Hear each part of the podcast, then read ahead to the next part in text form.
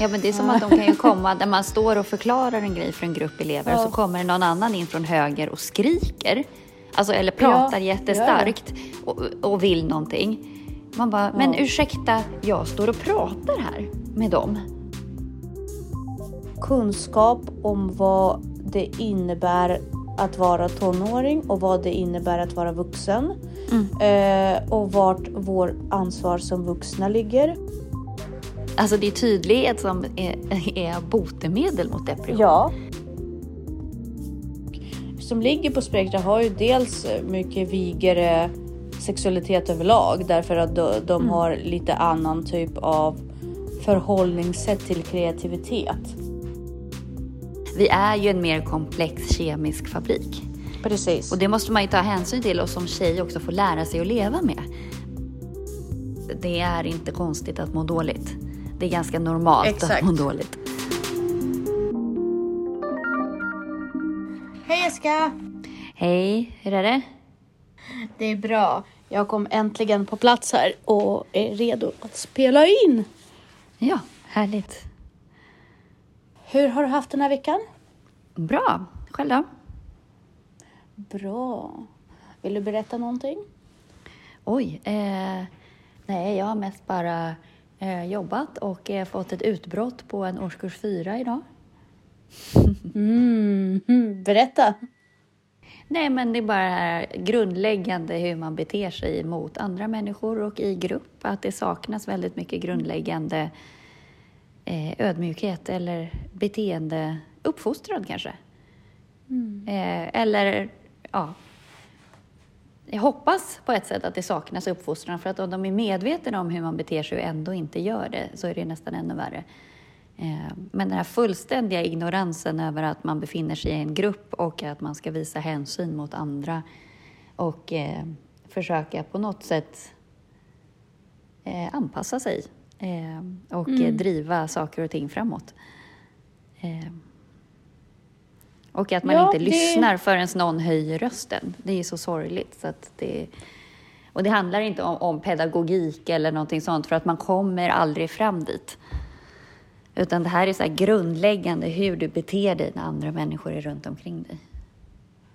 Precis, och där är ju väldigt intressant också att det är flera. Jag vet ju, jag förstår ju inte om det här är en generationsgrej, om alla generationers lärare klagar på det här eller du vet att, att det är liksom allt är när jag var ung så var det bättre. Eller om det är verkligen så att i dagens samhälle har vi någon form av krock med våra blivande tonåringar och även nu befintliga tonåringar eh, för att eh, uppmärksamma samma ämne så kan jag säga att idag, igår var jag tvungen att sträcka ut min arm för att illustrera för en årskurs 6 eh, vilket avstånd jag tycker är behaglig för mig att ha en främmande människa på. För att personen i fråga tonar över mig jättenära. ja, jag visste väl inte, sa personen i fråga. Nej, det är därför vi har den här grundläggande genomgången av vad som är eh, en norm i samhället. Man kommer inte närmre en främmande person. Även om man känner, alltså, det är fortfarande, vi är inte kompisar eller så. Det är Nej. fortfarande så att jag är din lärare och det kommer med vissa normer och det är där jag skulle helst vilja ha det som närmast. Ja, men det är som att de kan ju komma där man står och förklarar en grej för en grupp elever och så kommer någon annan in från höger och skriker. Alltså, eller pratar Ja, jättestarkt och, och vill någonting. Man bara, men ursäkta, jag står och pratar här med dem. Ja, det, det har Du inte får de vänta på din... för. Nej, på att du får vänta på din tur. Mm. Alltså man är helt så här, ursäkta. ja, exakt.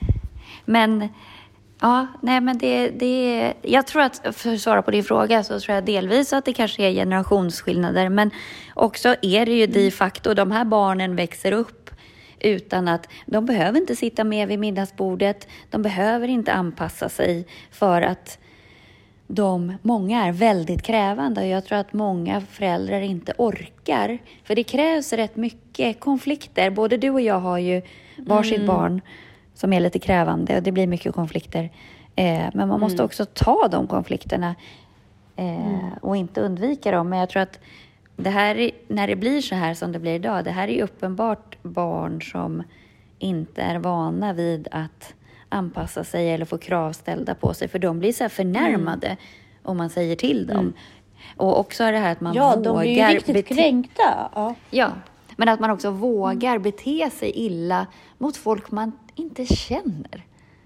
Det är, det är också jättekonstigt. Mm. Att det, det, det är väldigt mycket som inte, av skam som inte finns hos barn idag. Mm. På ett sätt är väl det bra, men på ett sätt så behövs det lite. Om man ska vara i grupp så måste man ha en känsla för vad... Alltså, ja, att jag är inte din förälder. Du kan inte bete dig hur som helst mot mig och det är Nej. inte heller mitt jobb att uppfostra dig. Jag är här för att undervisa. Nej. Jag är här för att skapa eh, en bra pedagogisk miljö. Men man, kommer inte ens, man får inte ens chansen för att de har ställt till det Nej, så man, mycket man redan ja. innan de kommer in. Och det är absolut inte alla, utan, men det räcker med att det är fyra, fem stycken i en klass så börjar du tappa greppet. Ja. Precis, och eftersom de är i en ålder där de assimilerar i sina miljöer väldigt lätt. Det är ju det de, mm. så deras ålder är ju anpassad, eller tvärtom, deras beteende är anpassat efter deras utveckling och deras ålder och vad de är ute efter. Och just nu är ju de ute efter att ta efter sin miljö. Och eh, är det en som beter sig så, så blir det väldigt ofta två och sen hakar vissa på och så blir det diskussioner. Mm. Och det funkar ju visserligen ute på savannen när det här var, när den här assimiler tonårsassimileringen var aktuell, mm. när de började bli med, fullständiga medlemmar av flocken. Men det mm. funkar ju inte i dagens eh, kravfyllda samhälle där vi behöver leverera en viss kunskap till dem. Och då mm. ska ju det här hygiengrejen sitta redan. Jag mm. vet vad jag ska ta med mig till lektion. Jag vet hur vi ska inte behöva gå igenom ordningsreglerna varje gång. Nej. Och vet du vad jag tror? Vi kommer att prata lite grann idag om eh, genus mm. och eh, könsdysfori. Jag tror att de har ungefär väldigt intressant rot som jag tänkte på när jag åkte. Jag tror att det finns en gemensam rot för det här. Och det, mm. är, det ska vi prata om alldeles strax. Vi säger varmt välkomna, välkomna till, till Ansvarspodden.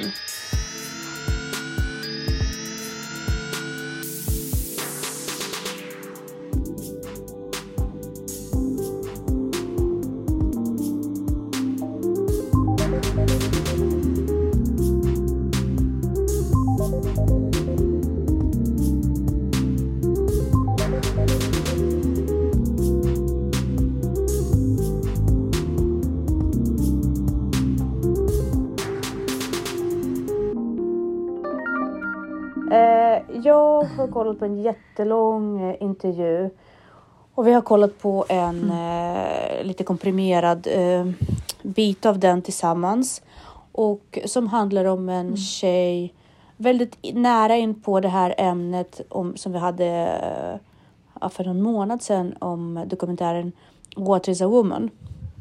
Om genuspolitiken mm. i USA och hur man just nu pushar väldigt mm. många tonåringar och hjälper, anser de, mm. många tonåringar att gå in i könsbyten redan vid väldigt tidig ålder eh, i samband med mm. puberteten. Och nu var det en tjej som hade pushats in i det här då eh, vid 12-årsåldern. Eh, gick igenom en, jag vet inte riktigt, jag kommer inte ihåg den medicinska termen, men hon skar bort sina bröst vid 15 års ålder mm. och bestämde, då bestämde mm. hon sig då för att genomgå en transformation till en man. Men ångrar sig sedan när hon är 16 mm. och eh, mm. börjar återuppta då vägen tillbaka till att vara en kvinna och utvecklas till en kvinna. Mm. Och eh, nu en, eh, propagerar nu mot de här tidiga könsbyten och vill till och med gå mm. till eh, domstol och hålla ansvarig, eh, mm. folk som är ansvariga liksom. Ställa dem inför rätta och så. Kan ju börja med sina föräldrar. Då. Ja, eh, precis. Men jag tänker så här. Eh, depression mm. är ju roten mm. till självmord. Mm. Det finns ingen självmord mm. utan depression. Jag går direkt in på sak så att jag inte tappar min kedja. Mm. Ja. Och ja. depression hos tonåringar är väldigt, väldigt vanligt. Och jag tror att många vuxna är så himla rädda för de här få antal som drabbar självmord som drabbar tonåringar i depression. Att alla har på något sätt blivit rädda för att hålla tonåringar ansvariga för att de är så himla känsliga. Man vågar inte. Man, man, är, man är liksom. Man är rädd för att de i slutändan ska begå självmord. Jag tror det. Jag tror att varje person är rädd att vara den som tippar över vågen. Lärarna är rädda för att de ska tippa över vågen och bli anklagade föräldrarna. Föräldrarna vågar inte ställa krav för de vill inte tippa vågen. Jag tror... Jag har aldrig tänkt att en elev skulle begå självmord för att man sätter dem på plats. Nej, men jag, jag tror mig. att när man kommer in i den här tonåren, alltså inte så att folk är Mm. rädda för själv, alltså att deras barn kommer att begå självmord. Jag tror att man är rädd för depression hos tonåringar för att det kan leda till självmord. Men jag tror att tydlighet, Mm. tror jag, alltså det är tydlighet som är, är botemedel mot depression. Ja. Alltså det är ju otydlighet och att du inte tar konflikten och att du är för svävande. Det är ju det som leder till Men jag depression. tror att det blir väldigt luddigt. Utan jag tror att det blir så här, men ställ inga krav. Ta inte fighten. Alltså förstår du? Det är så Det leder till depression. eh, ja, det tror jag också. Absolut. Ja. Och jag tror också att den... Väldigt många som lider av depressionstillstånd mår ju svinbra i lumpen till Mm. exempel. Precis. Men jag tror inte, jag tror att det är den vurpan vi har gjort i vårt samhälle, att vi är rädda eh, för att hållas ansvariga för att tippa över en tonåring. Vi i, vi, vi liksom, i vårt samhälle är vi så måna om att Är du rädd för det? eh, Jag tror mer, alltså för den, jag, jag har aldrig tänkt den tanken att det skulle hänga ihop. Jag är inte rädd för det, men jag är rädd för att jag ska hållas ansvarig eh, eller jag ska utsättas för den skyldiga. Därför att jag upplever att jag har fått, när jag har gått emot och varit sträng och tydlig så har väldigt många varit ja, eh, väldigt tillbakadragna. Bara, Nej, men jag skulle aldrig göra så. Jag skulle inte säga så. Förstår du? Och jag tror att det har att göra med att de människor är rädda och jag påverkas av min kollektiv. Så att jag skulle vara mycket mer tydlig om jag fick möjlighet. Fast jag, Tror jag. jag är tydlig. Eh, jag fixar inte att jobba under andra omständigheter, men däremot tänker jag att Alltså depression. Jag tror att folk är rädda för att ha, vara liksom, inte vara kompis med sina barn. Alltså jag tror att de flesta föräldrar mår jättedåligt om ens barn skulle skrika att de hatar en. Jag tror, att, jag tror att väldigt många, för det har jag suttit på middagar hemma hos dig också. Eh, Jag vet inte om du kommer ihåg det här, men det var för flera år sedan när vi pratade om hemmasittare och jag sa att då får man ringa polisen. Och någon annan som satt vid det här bordet tyckte att det var integritetskränkande mot barnet. Ja, det är, jag håller med. Jag tycker inte heller det är Det säger ju rätt mycket. Liksom. Nej, men däremot så tycker jag att det är integritetskränkande mot polisen att behöva utsätta dem för det här. Men ehm, ja. Ja. Ja, jag vet och jag håller med dig. Eh, och eh, samtidigt så tror jag att ehm, det har ju också att göra med att vi har inte längre på, no, på kunskap om vad det innebär att vara tonåring och vad det innebär att vara vuxen. Eh, Och vart vår ansvar som vuxna ligger. Det är liksom inte lyssna på barnet i första hand. Det är att berätta för barnet hur det ligger till, lyssna in och sen säga hur de ska göra. Och sen se stötta dem i processen, för processen måste Ja. göras. Och de måste begå misstag och sen får de lära sig. För de kan inte lära sig om de inte begår misstag. Som de kallar, om, de, om, min, om min dotter skriker, vilket hon gjorde senaste helgen, att hon hatar mig. Då, då kan jag komma tillbaka och säga, det, du får känna så. Men det betyder inte att mina föräldraliga plikter på något sätt försvinner på grund av det. Du måste Nej, ändå jag säger gå bara så men bra, jag älskar dig. Ja, ja det, det, kommer vi till sen.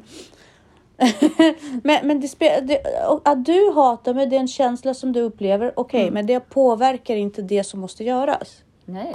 Nej. Och man måste separera man- dem. Man måste separera prestation från känslor. Mm, precis. Men jag tänker på den här eh, könsförvandlingen. Det är, Mm. jag, för det är ju en diskussion. Ska man få göra det innan man är 18 och inte det är taskigt att folk måste gå ända tills de är 18 med Ja. den här känslan och så. Det är Men, taskigt. Men, ja, men Förlåt, men har du inte under tonåren velat byta kön någon gång? Jag trodde alla kände så. ja, gud. Alltså, Det- det- att man är se- så här vilsen och känner speciellt Ja. om man har lite dragning åt autismspektrat så kan man Exakt. som tjej identifiera sig mer. Killar är lättare, tjejer är jäkligt jobbiga alltså. De Mm. är otydliga, det är liksom knivhuggande i ryggen och det, det är besvärligt. Eh, Eh, och då känner ja. man sig ju mer som kille kanske för att man Mm. har lättare att... Jag vet inte. Alltså... Alltså definitivt. Jag kan säga att folk som ligger på spektra har ju dels mycket vigare sexualitet överlag därför att de, de har lite annan typ av förhållningssätt till kreativitet. Man ser inte alltid sexualitet som någon som är så fast och har att göra med Nej. Familjebildning. Man ser det som ett självuttryck och därför är det, har det någonting med kreativitet att göra snarare. Jag vill inte prata för alla, så har det varit för mig. Nej, och nej. jag vet att jag är en hetero kvinna. Men jag kan också Mm. säga att som tonåring var jag väldigt vig och flexibel i min sexualitet. Och Mm. just för att det hade mer med kreativ att göra än min sexuella läggning. Jag visste alltid att jag var hetero. Men det behövde inte vara så fastcementerat för mig. Jag kunde tänka mig och experimentera om vi säger så. För vissa är ju inte det ett givet faktum. Ja. För mig var det det, Nej. fastän jag visste att jag var hetero. Absolut. Ja, och sen så har jag, en, jag har också alltid tyckt att tjejer är vackrare som Mm. Ja, varelser. ja, jag alltså en, en kvinnokropp tycker jag är Mm. vackrare än en manlig kropp eh, generellt. Ja. Mm. Eh, som, som estetiskt konstverk.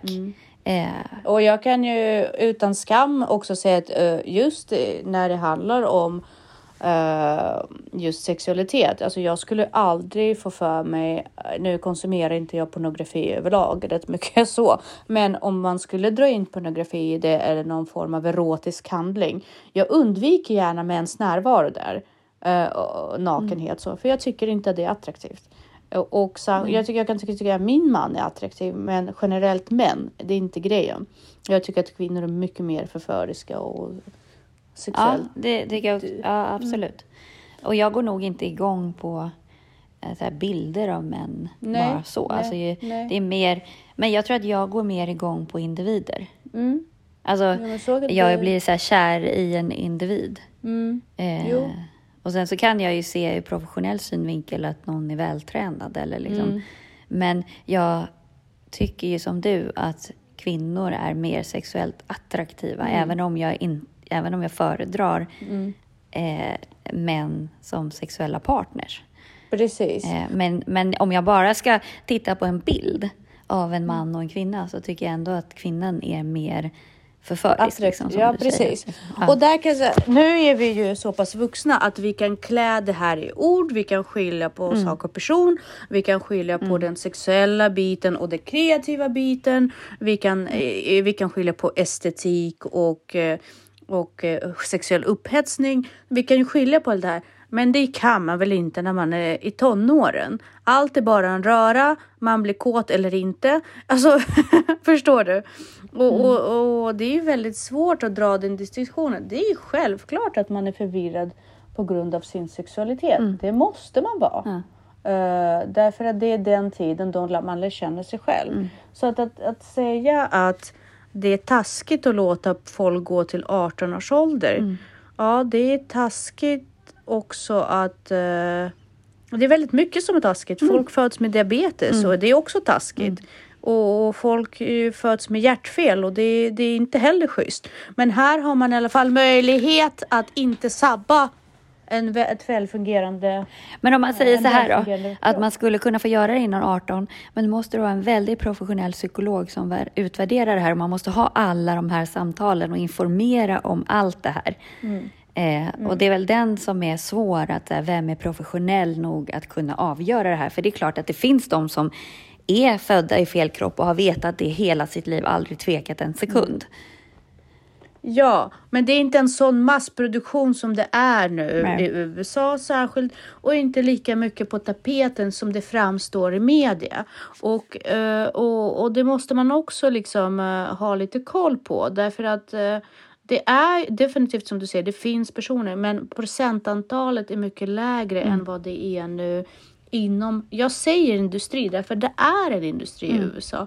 Det är en hel industri som inom citationstecken hjälper eh, tonåringar att, att, att förstå sig själva genomgå. Det gör de inte. De hjälper inte Nej. därför de, blir, de förvirrar och det är väldigt många tonåringar som blir unga vuxna och ångrar det här och mår pyton i alla fall. Och vid något tillfälle så säger även eh, Jordan Peterson i den här intervjun lite längre fram att han har haft en kollega i Toronto som har studerat eh, gender dysphoria, alltså könsdysfori under väldigt många år innan det blev en trend.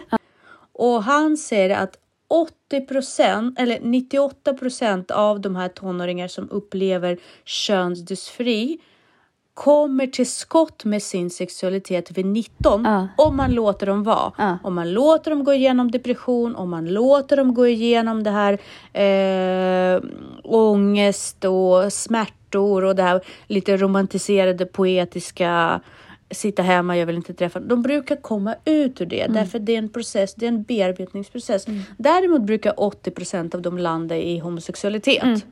Och det är väl Fair enough. Alltså det är som det är. Ja, men fair enough liksom. Men då har de inte sabbat sina kroppar på vägen. Nej. Då har de inte landat fel och ytterligare fel. Det, för att det är ju det som blir så himla fel. Sen det, det som var nytt, eller inte nytt, men tankesättet var väldigt intressant. Jag, jag tänker så här. Har du någonsin blivit rädd när en man blir arg? Ja, Det är inte en ledande fråga. Det är inte en ledande fråga. absolut. Alltså, jag Eh, blev jag bara för, undrar. Alltså, jag blev rädd för alla som blev arga fram till jag var typ Ja. ja, 12, 13 kanske. Jo, men jag blir rädd för män. Jag, jo, jag blir rädd för män som blir arga. Det blir jag än idag. Alltså, Blir du lika rädd för kvinnor som blir arga nej. som för män? Nej. Nej. Men det här är kvinnor väldigt blir intressant. inte arga. Men, du, men jag tänker så här, du tränar, du är ganska fysiskt stark. Jag kan säga att jag inte heller på den svaga sidan, dock är jag bra underlägsen dig. Men jag kan säga, jag, jag, jag känner mig inte eh, fysiskt svag generellt som en kvinna. Men eh, det, vi är ju som kvinnor och det, det säger också eh, Jordan Peterson. Och det här var väldigt, väldigt liksom så här, epiphany moment för mig. Jag blir rädd för män som blir arga därför att i slutändan så kopplas min eh, djurhjärna på och jag blir rädd att de slår ihjäl mig. Inte för att de gör det, för att de är kapabla. Ja, Jag är 1,54. Om en man tonar över mig, bredaxlad, det är det som kickar in. Min rädsla är att jag blir ihjälslagen. Om den här mannen svingar, tappar humöret för en sekund och svingar en höger så kan jag potentiellt dö. Det går inte åt samma väg tillbaka. Den mannen behöver aldrig vara rädd för mig på samma sätt. nej, jag är nog inte rädd att de Det ska det döda en. Jag är rädd till. att de ska skada en. Och sen tycker jag också att tyvärr så hänger Ja, men eh, sexualdrift och ilska tyvärr ihop hos många män.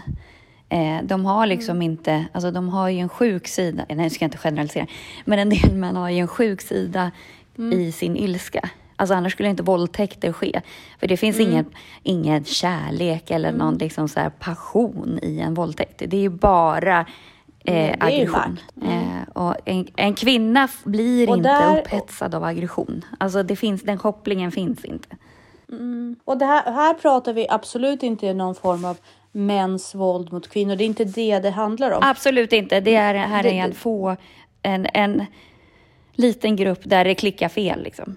Men dock, För jag menar, i, i mitt, när jag växte upp så hade vi pappa och så har vi mamma. Mamma är 10 centimeter kortare än mig, pytteliten. När hon blev arg så kunde jag vara arg tillbaka.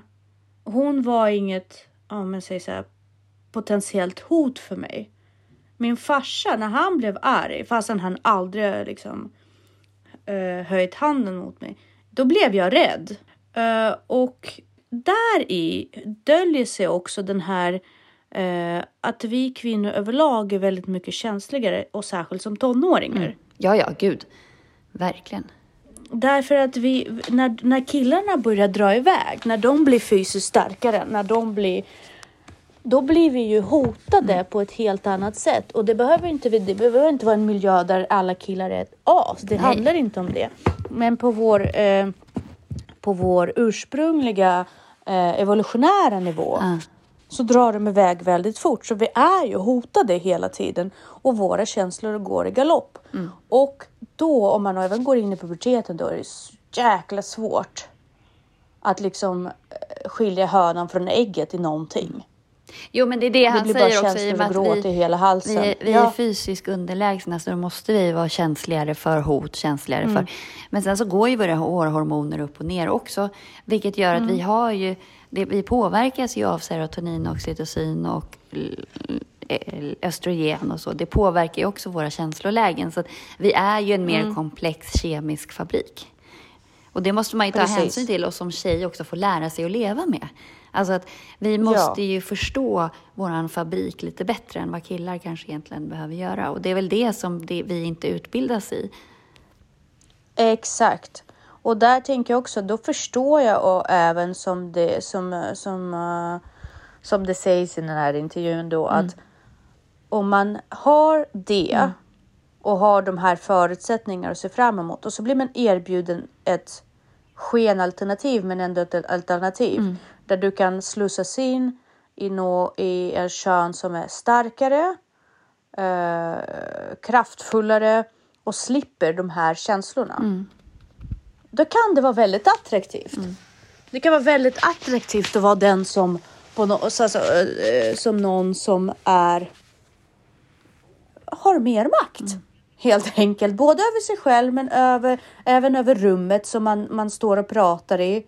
Jag förstår attraktionen i det om man sitter i en 12-årig flickas kropp, platt, finnig, rädd för sexualitet, rädd för att föda barn. All de här, alla de här vackra, vackra saker som vi föds, som vi eh, ma- matas på med av samhället just nu. Och så får du ett alternativ att istället bli en man.